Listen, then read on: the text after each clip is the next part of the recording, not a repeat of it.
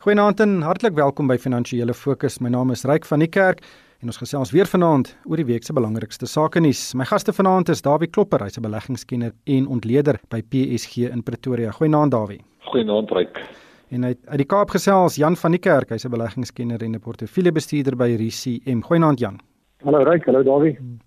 Ek wil vanaand 'n bietjie stil staan by die skokkende ekonomiese groei syfer wat ons hierdie week gesien het uh, en Stats SA het bevind dat ons ekonomie het in die eerste kwartaal met 2,2% gekrimp teenoor die vierde kwartaal van verlede jaar en die groot sonnebokke was die vervaardiging, mynbou en landbou sektore. Die vervaardigingssektor is met 6,4% af en so ook mynbou 10% af, landbou 24% af. Ek weet ekonome het verwag dat die groeikoers negatief sou wees.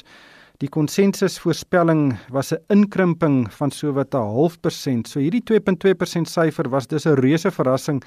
En ek dink werklik die president en baie ander uh, beleidsvormers het in hulle koffie gestik toe hulle hierdie syfer gesien het. En is duidelik dat daar baie werk voor lê uh, om hierdie tendens om te draai. Daarby ek begin by jou. Wat was jou indrukke van hierdie -2,2% syfer? Ek dink jy's reg as jy sê ryk dat iets daarvan verwag was. En deur die kwartaal is daar sekere syfers al reeds bekend gemaak wat daarop gedui het. Dit kom 'n moeilike kwartaal, 'n moeilike syfer. En ja, die syfer is redelik groot negatief.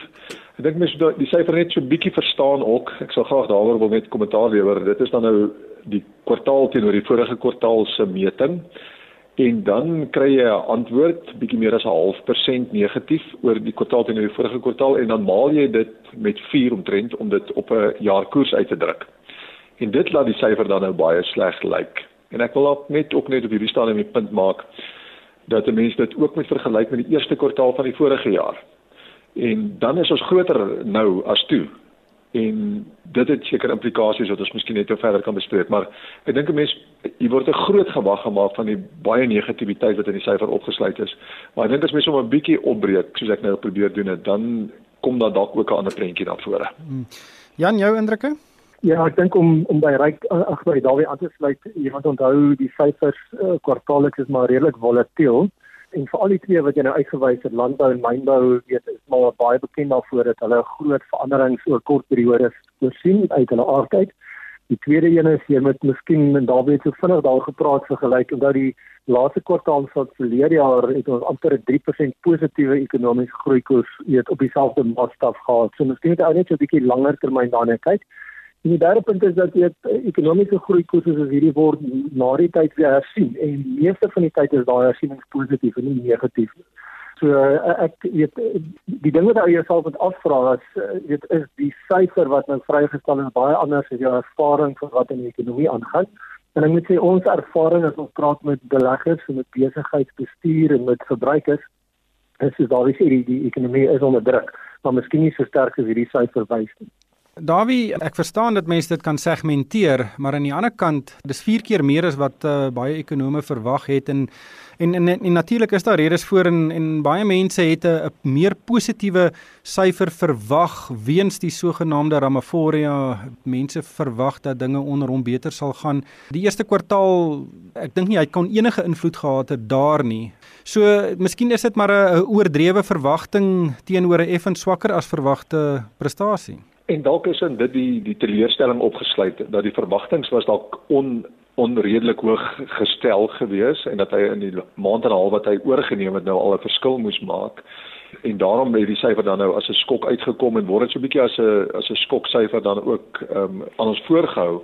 En dit is dan ook so en ons mens moet ook daarom ook dink ek onthou dat in hierdie kwartaal is die hele gronddebat op die tafel gesit en ek dink dit het dan ook nou 'n impak gehad op vertroue en op die beleggingsbesluite wat mense moes neem. So dit speel ook 'n rol dink ek in hierdie hele stukkie negativiteit wat ons hierso raak sien en Ramaphosa wat dan nou die gewenste resultate op hierdie oomblik gehad het nog nie. So ek dink ons moet die gronddebat ook uit ons lewens uitkry, dit moet afgehandel word vir ons om behoorlike groei te begin deurkry wat gegrond kan word op die feit dat meneer Ramaphosa die president van die land is en dat hy die regte dinge begine doen. En dan soos Jan ook nou gesê het, is hierdie eerste kwartaal syfers die wisselvalligheid in die aard van die syfers en die aard van die landbou syfers en die aard van die droogte wat in die Wes-Kaap heers en en in die Karoo en so in die plekke het 'n groot impak op hierdie syfers.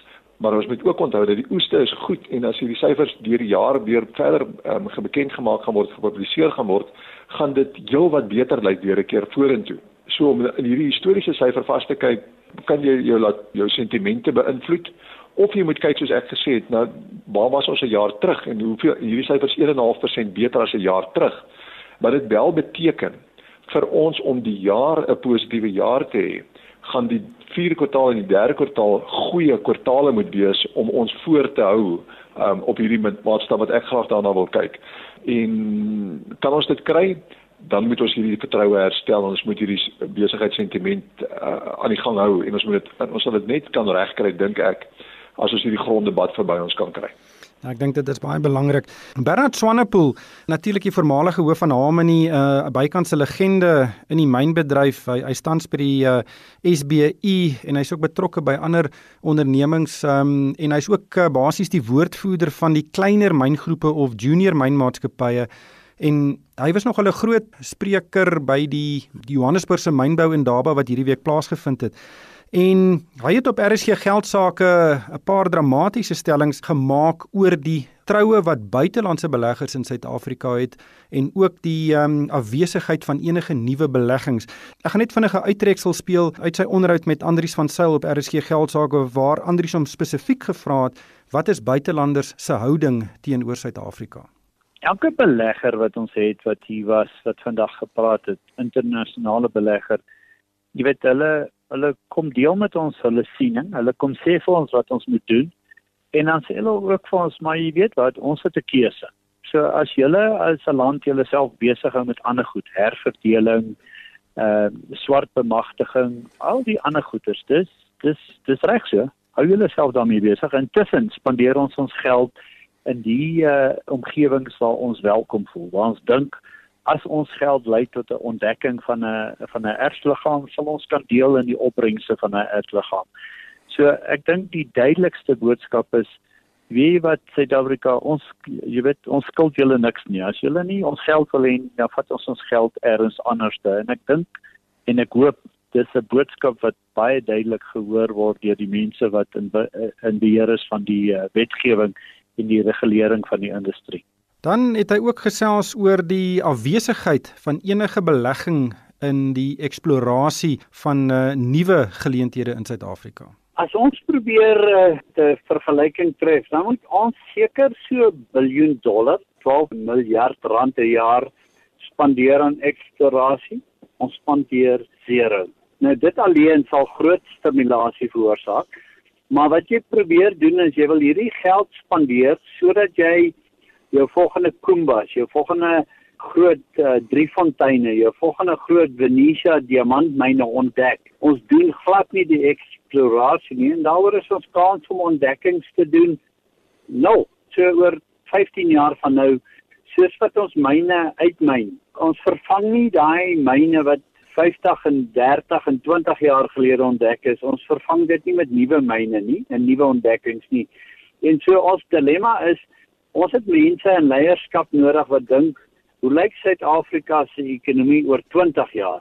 En hoe stimuleer ons vandag die mynindustrie van oor 20 jaar? En natuurlik is dit nie die gesprekke wat vandag plaasvind nie. Dit was Bernard Swanepoel van die SBU en ook uh, een van die groot sprekers by die mynbou in Daba wat uh, hierdie week in Johannesburg plaasgevind het.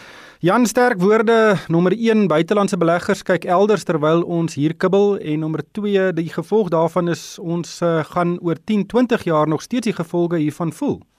Ja, ek weet die hartseer ding terwyl ek na Bernard luister is dat jy kom hierdie selfde opname 'n jaar, jaar gelede gedoen het en dit was dieselfde boodskap 2 jaar terug, 3 jaar terug, 5 jaar terug. Uh die boodskap het nie verander nie, daar is miskien 'n bietjie meer uh geaksentueer en intussen het ons 5 jaar verloor in weet ons toekoms.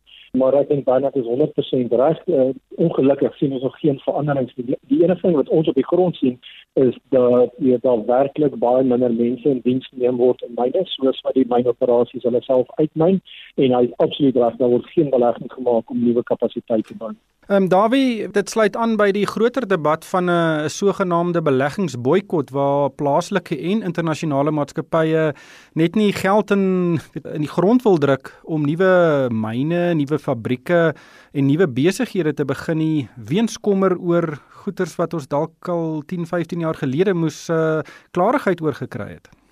Ek dink jy's reg, ryk. Ek dink die groot woord wat mense hier rondom sou gebruik is hier's beleidsonsekerheid in die land en tot tyd naby ons dit nie uitsorteer nie. Tot tyd naby ons nie die mynbehandves kan finaliseer nie en dat almal weet presies hoe gaan die reëls werk rondom mynbou nie.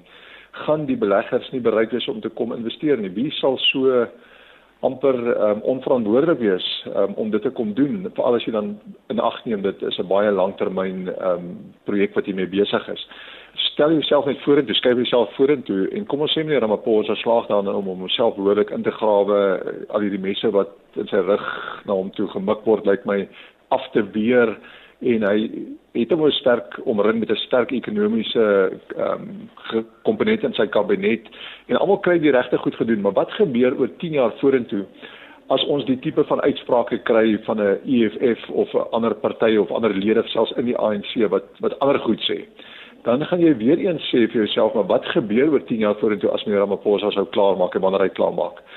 Ons moet duidelike beleid in hierdie land geformuleer kry oor waartoe ons op pad en die en die en die ontwikkelingsplan wat ons ga, wat ons het is so 'n dokument wat dit vir ons kan uitstipel, maar almal lyk like my het dit nie aanvaar nie. Ek dink 90% van die mense het dit nog nooit gelees nie.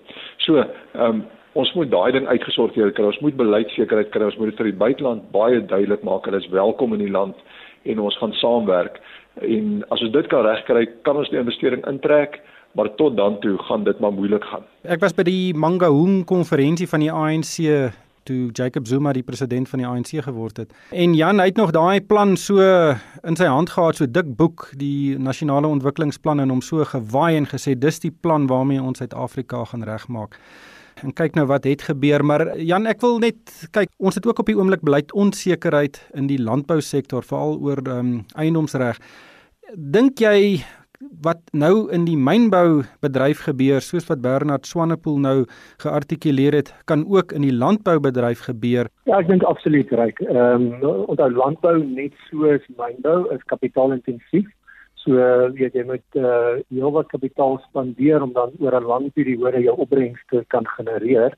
Uh in albei gevalle weet het jy die die geleentheid dat beleggers emosionele besluite kan neem om te sê wel ek wil graag uh weet 'n boerdery betrokke raak omdat ek van die lewenstyl hou, ek kan dit miskien in in myn by doen, maar dis nie dat 'n mens onverpoost uh, sal aanhou nie en ek dink dis beslis dieselfde onsekerheid uh wat sal kom. 'n groot deel van om landbou te verbeter oor tyd is om tegnologie te ontplooi en daai tegnologie gewoonlik is nie baie goedkoop nie. So weer eens is 'n lang terug betaalperiode wat uh, jou beleggers sal moet oorweeg. En ja, ou begin al reeds die ge geleide hoor dat beleggers eerder hulle kapitaal op ander plekke belê waar daar meer sekuriteit is en waar daar ook meer likwiditeit is waar jou kapitaal vinniger vinniger kan ontsluit. Ja, natuurlik is die eh, vervaardiging, mynbou en landbou sektore een die die grootste werkgewers in die uh, in ons ekonomie en uh, as dit daar sleg gaan, gaan dit regtig sleg gaan met werkskepping. Net voor ons afsluit, uh, Dawie, uh, die rand het hierdie week 'n bietjie verswak. Dit is 'n uh, eintlik 'n weier uh, ontleikende markte storie um, in afwagting op Amerikaanse rentekoerse wat kan styg. Uh, die beurse daar positief gereageer, maar wat is jou algemene indruk oor wat tans op die markte aangaan? Ja, dit is inderdaad so dat dit is nie die rand per se wat dan swak is nie, dit is uh, die hele kompleks van opkomende markgeldeenhede wat swak is. Interessant dat in Mei maand toe dit al begin gebeur het dat die opkomende markgeldeenhede verswak het en die rand baie goed gehou. Die rand was een van die sterker geldeenhede in die wêreld in Mei maand ten spyte van die feit dat die opkomende markgeldeenhede begin verswak het. Uh, maar hy was sterker as die euro en as die Britse pond byvoorbeeld in daai maand gewees. Maar goed, nou volg hy op hierdie oomblik hierdie hele tema van die opkomende markte wat begin verswak, vrees vir die Amerikaanse rentekoerse wat begin verhoog en dat dit gaan geld trek uit die opkomende markte uit na die FSA toe in die dollar in en daarom gebeur dit en die rand is baie ehm um, likwid en daarom kan hy gebruik word as 'n proxy vir hierdie um, opkomende markgeld eenhede en ons sien dit inderdaad nou gebeur dit beteken dat ons randverskansingaandele goed doen maar ehm um, mense moet weer keer onthou dis 'n geweldige wisselvallige omgewing waar ons onsself bevind die rand een oomblik swak een oomblik sterk en mense moet jou portefeuilles baie mooi struktureer om dalk verby dit te kyk, verby die makro-ekonomie te kyk en in die individuele maatskappye in te kyk om daai besluite te neem. Jan, jou siening?